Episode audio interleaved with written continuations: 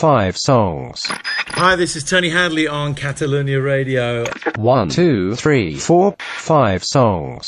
One, Uh, and my mum and dad said I used to go crazy every time that record came on the radio. two, So, so for me, um, definitely through the barricades, one of my favourite songs. Uh, I'd never, ever, ever get bored of singing this song. Beautiful, three, and it's a song when it comes on the radio. Even now, I still get excited.